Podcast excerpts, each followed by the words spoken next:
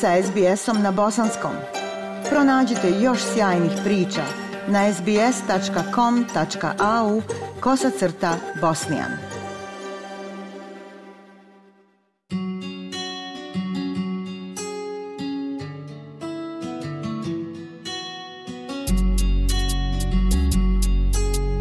Slušate SBS program na bosanskom jeziku. Ja sam Aisha Hadži Ahmetović. U okviru predstavljanja inspirativnih ličnosti bosansko-hercegovačke zajednice u Australiji, danas vam donosimo priču o Selmi Milovanović, novinarki sa više od dvije decenije radnog iskustva u Australiji, Novom Zelandu, Jugoistočnoj Aziji te Bosni i Hercegovini i zemljama Zapadnog Balkana. Selma je rođena u Sarajevu, odakle izbjegla kao djevojčica početkom rata u Bosni i Hercegovini, a u Melbourneu je završila studij novinarstva i književnosti te postdiplomski iz novinarstva. Novinarska biografija Selme Milovanović zaista je impozantna. Samo da izdvojim da je godinama uređivala štampana izdanja najznačajnije dnevne novine u Australiji, The Age, a odnedavno je urednica njegovih digitalnih izdanja. Također, tu je i sedmogodišnje novinarsko iskustvo u prvoj domovini u Sarajevu, radeći za Al Jazeera Balkans. Ali o svemu tome više će nam reći sama naša današnja gošća. Selma, Jako sam sretna da vas mogu ugostiti u SBS programu na Bosanskom. Dobrodošli u emisiju. Kako biste se vi ukratko predstavili našim slušaocima? Hvala lijepo, draga Iša, za priliku i pozdrav svim slušalcima. Kao prvo željela bih odati počast e, narodu u Oranžeri na, na čijoj zemlji se održava ovaj intervju. Rekla bih da sam ja medijska djelatnica sa dugogodišnjim iskustvom u Australiji i u Bosni i Hercegovini kao što ste naveli. Počela sam raditi za DH kao pripravnica 2001. godine gdje sam ostala 10 godina izvještavajući uglavnom o nekim negativnim temama, hajdemo reći o e, organizovanom kriminalu, korupciji, ratnim zločinima, zatim o prirodnim katastrofama u Australiji, Novom Zelandu, e, Indoneziji. I nakon toga odlučila sam da um, odem u Bosnu i Hercegovinu gdje sam i rođena i uh, jer sam željela da živim i radim u svojoj prvoj domovini pošto sam odatle otišla kao dijete i nisam imala to iskustvo, nisam imala šansu da imam iskustvo života i rada u Bosni i Hercegovini kao odrasla osoba. Imala sam sreću i veliko zadovoljstvo da radim uh, kao web urednica na Al Jazeera Balkans uh, šest i po godina, gdje sam i ranije sam imala želju da radim za tu medijsku kuću i desilo se tako da sam imala sreću da radim u firmi gdje sam željela raditi u gradu u kojem sam željela živjeti, dakle u svom rodnom gradu. Kasnije sam se vratila u Australiju i sasvim slučajno ponovno se zaposlila u Rijeđu gdje sam i započela svoju novinarsku karijeru i kao što ste naveli, uređivala sam štampano izdanje tog dnevnog lista od ponedjeljka do petka, a odnedavno e, vodim digitalna izdanja i također vodim neke velike projekte i za štampu i za digitalna izdanja u okviru izdavačke kuće Nine Publishing koja obuhvata VH, The Sydney Morning Herald, e, uh, WA Today Brisbane Times. Postignuća su zaista hvale vrijedna i očito je da se sretna zvijezda poklopila sa izborom profesije. Selma, šta vas je motivisalo, to jest ponukalo da se bavite novinarstvom uopšte?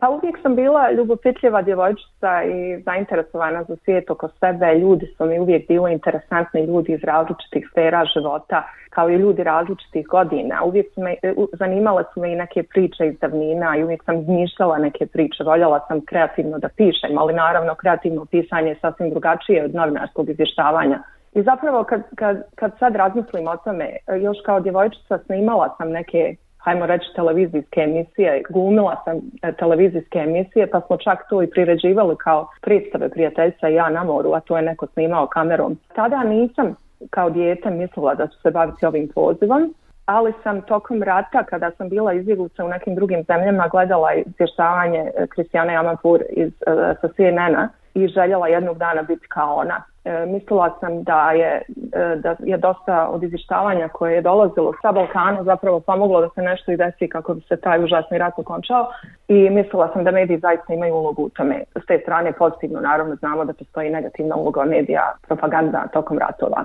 Međutim, e, u srednjoj školi ovdje, završila sam kraj srednjoškolskog obrazovanja ovdje, htjela sam da budem uh, policajka, htjela sam da završim krimino, kriminalistiku i da odem na policijsku akademiju i da se pridružim policiji. To je zapravo bila želja mog prijatelja, on je danas, mislim da je on danas profesor engleskog jezika, a ja sam postala novinarka. I razlog tome je što je moja profesorica engleskog rekla da bi bila velika šteta da se ja ne počnem baviti medijima i to je presudilo jer ona me poznavala bolje nego, sam, nego što sam poznavala sama sebe u tom periodu, očigledno. Pronašla sam se na tom studiju i zaista ne postoji, mislim da ne postoji profesija kojom bi se voljela baviti više nego ovom. Slučajno put me je, profesionalni put me je naveo na izvještavanje o kriminalu i korupciji i pravosuđu godinama, te sam tako zapravo spojila ta dva interesa. Recite nam šta je najvažnije za jednog novinara, osim radoznalog duha i želje da ispriča priču. Pretpostavljam da poštuje i slijedi pravila novinarske etike.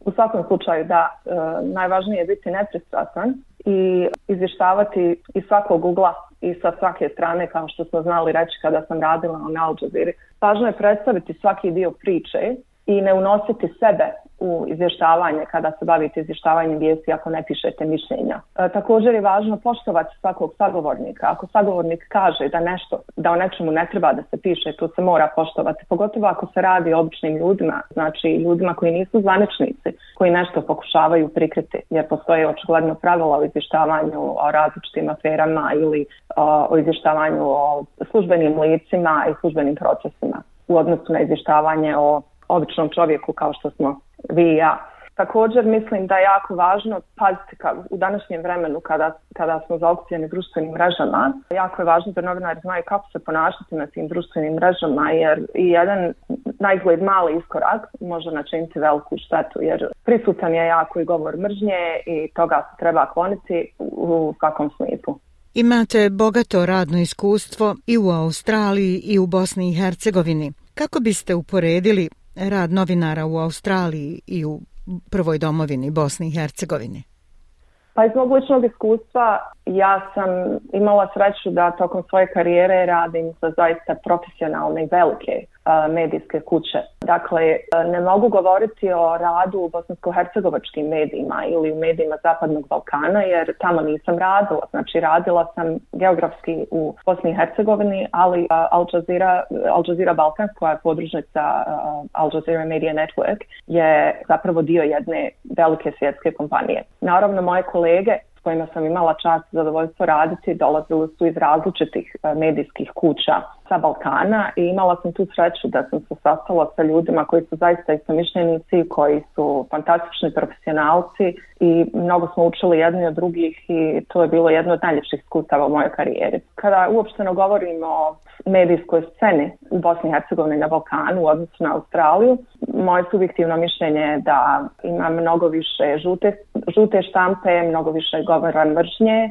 i neki vlasnici medija priklanjaju se tabloidizaciji, ogromnom političkom utjecaju, govor mržnje, nepristrasnom izvještavanju i sličnim stvarima. To naravno postoji u svakoj zemlji svijeta ali rekla bih da je to više nekada su u um, drugim zemljama novinari primorani da slušaju i da rade onako kao, kao što im se govori, jer će izgubiti posao, mislim, i, pos, i mogućnost za zaposlenje negdje drugo nema. Naravno, svako bi želio da poštuje jel, kodeksa etike, većina ljudi eh, barem ljudi koje ja poznajem žele da poštuju kodeks etike, ali nažalost pretpostavljam da postoje ljudi koji ne žele da izvištavaju negativno, ali su primorani na to jer im tako šef nalaže, a ne imaju mogućnost za zaposlenje negdje drugdje. Moje iskustvo je bilo jako pozitivno, radila sam sa jako eh, profesionalnim ljudima, bila sam jedna od osnivačkih urednica na web portalu Al Jazeera Balkans, tamo sam bila od samog početka i bilo je prekrasno počinjati jednu medijsku priču jednog takvog ogromnog projekta. Zapravo težili smo da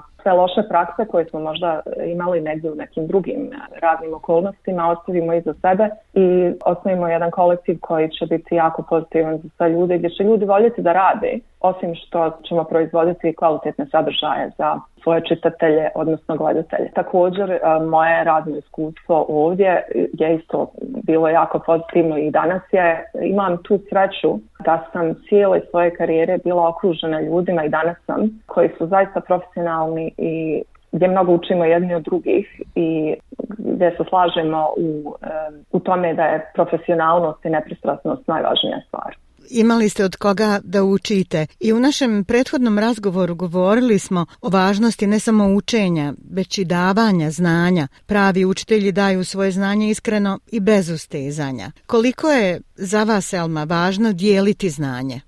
Mislim da je to jedna od najvažnijih stvari jer kao prvo niko se nije naučno rodio, a onda zašto ne bi neko sa bogatom radnom biografijom i iskustvom pomogao nekom drugom ko je mlađi na tom putu. Ja sam imala tu sreću da učim zaista od nekih od najboljih novinara i urednika u Australiji. Neke od njih danas smatram svojim prijateljima i počešena sam time. Ti ljudi su nesebično davali od sebe kako bih ja uspjevala u svojim naumima i kako bih upijala što više njihovog znanja. Nikada se nisu libili da podijele sve svoje vještine sa mnom i e, nije ih bilo strah da bi možda nekada njihova učenica mogla postati bolja od njih, zapravo to željeli i to su mi govorili.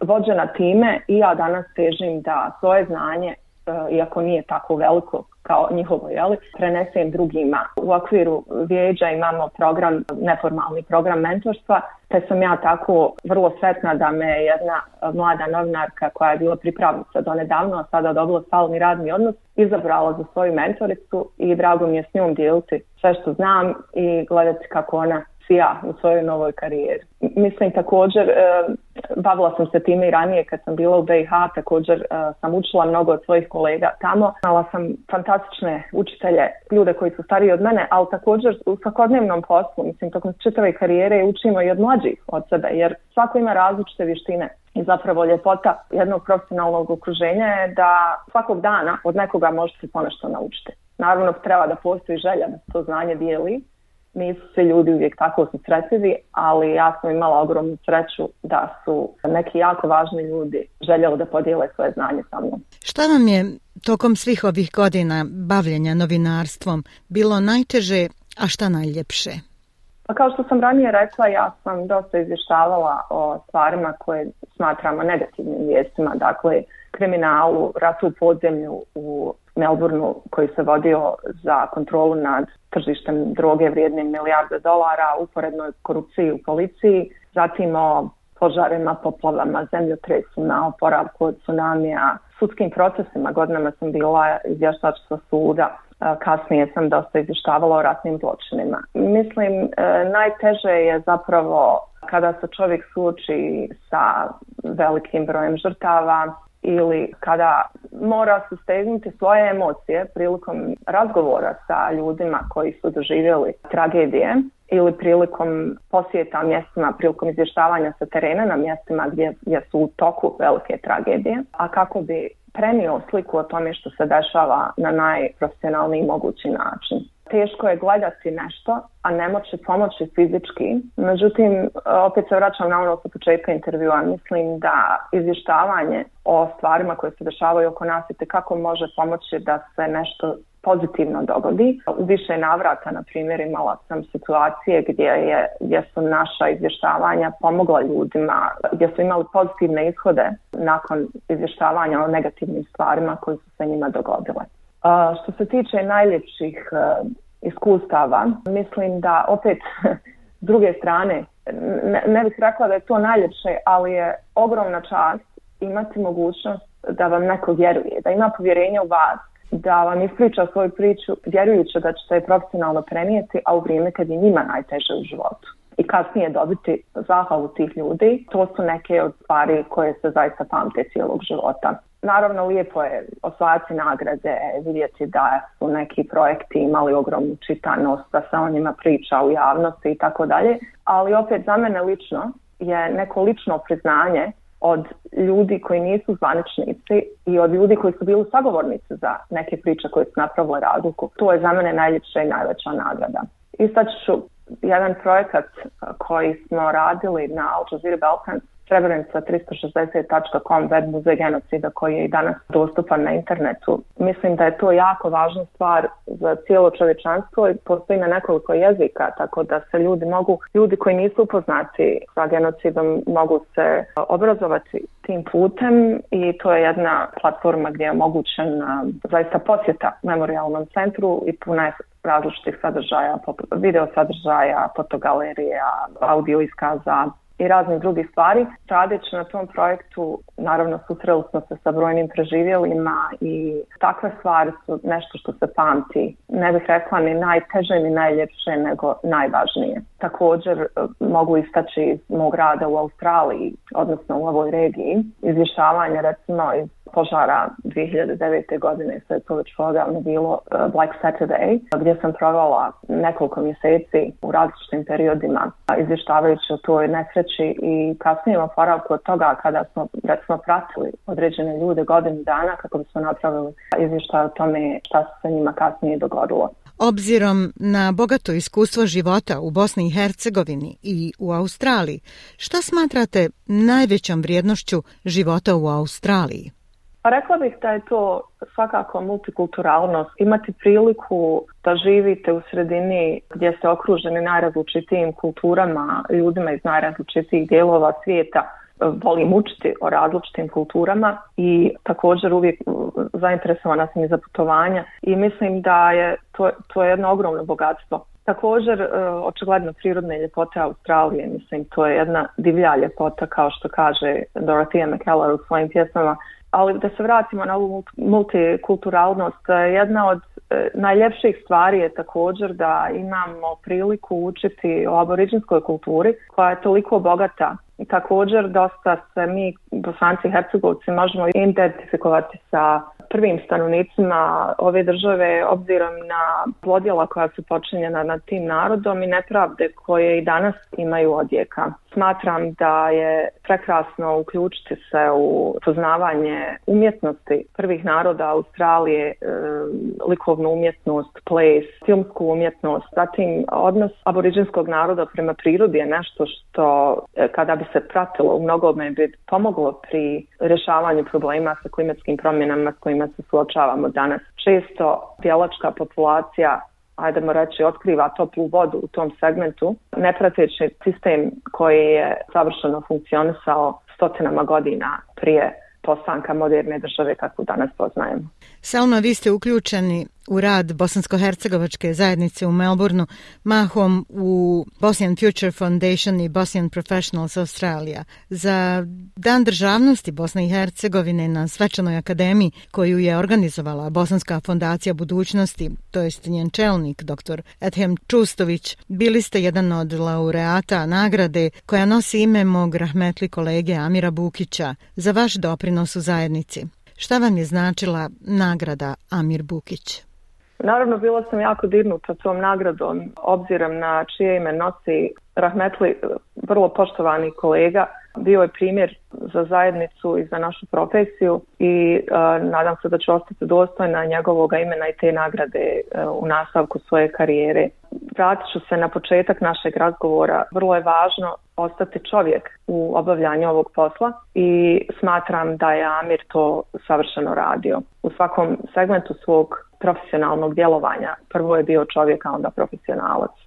Vjerujem da vaša istrajnost, marljivost, pa mogu reći i hrabrost, mogu biti inspirativni za mlade ljude koji se odluče slijediti svoje snove, birajući profesiju koju žele. Recite nam šta vas pokreće, šta vam daje najveću snagu? Najveću inspiraciju za rad crpim iz toga da je profesija novinarstva nešto što je zanimljivo svaki dan na neki drugi način. Dakle, svakog dana se susrećete sa neočekivanim novim temama. Također, tehnička postignuća koja nas okružuju omogućuju nam često nove načine pričanja naših priča, odnosno prenošenja sadržaja publice. Inspirišu me različiti ljudi i njihove priče koje otkrivamo svakog dana. Inspiriše me energija mlađih kolega koje tek otkrivaju naš zanat i sve što on nosi. Uglavnom, inspiriše me različitost koju novinarstvo nudi svakog dana. A šta biste poručili našim slušalcima? Smatram da je važno biti informisan iz više različitih izvora, kao što je prilikom izvještavanja važno sagledati vijest iz svakog ugla. Dakle, važno je konzumirati različite vrste medija, ali također smatram da je jedna od ljepših stvari čitati pozitivne priče i slušati i gledati pozitivne sadržaje, jer uglavnom smo okruženi negativnim vijestima, željelo mi to ili ne. Ja vjerujem da je ovo jedna lijepa, pozitivna priča o vama, draga Selma. Hvala vam na izvojenom vremenu, na ovom razgovoru i lijepoj poruci koja će, vjerujem, potaknuti mnoge naše slušaoce da hrabro zakorače u realizaciju svojih želja i svojih velikih snova. Želim vam puno uspjeha u daljem radu i puno ličnog zadovoljstva i sreće. Hvala vama i hvala slušalcima. SBS na Bosanskom. Podijelite naše priče preko Facebooka. Želite poslušati još ovakvih priča? Slušajte preko Apple podcasta, Google podcasta, Spotify ili kako god da primate svoje podcastove.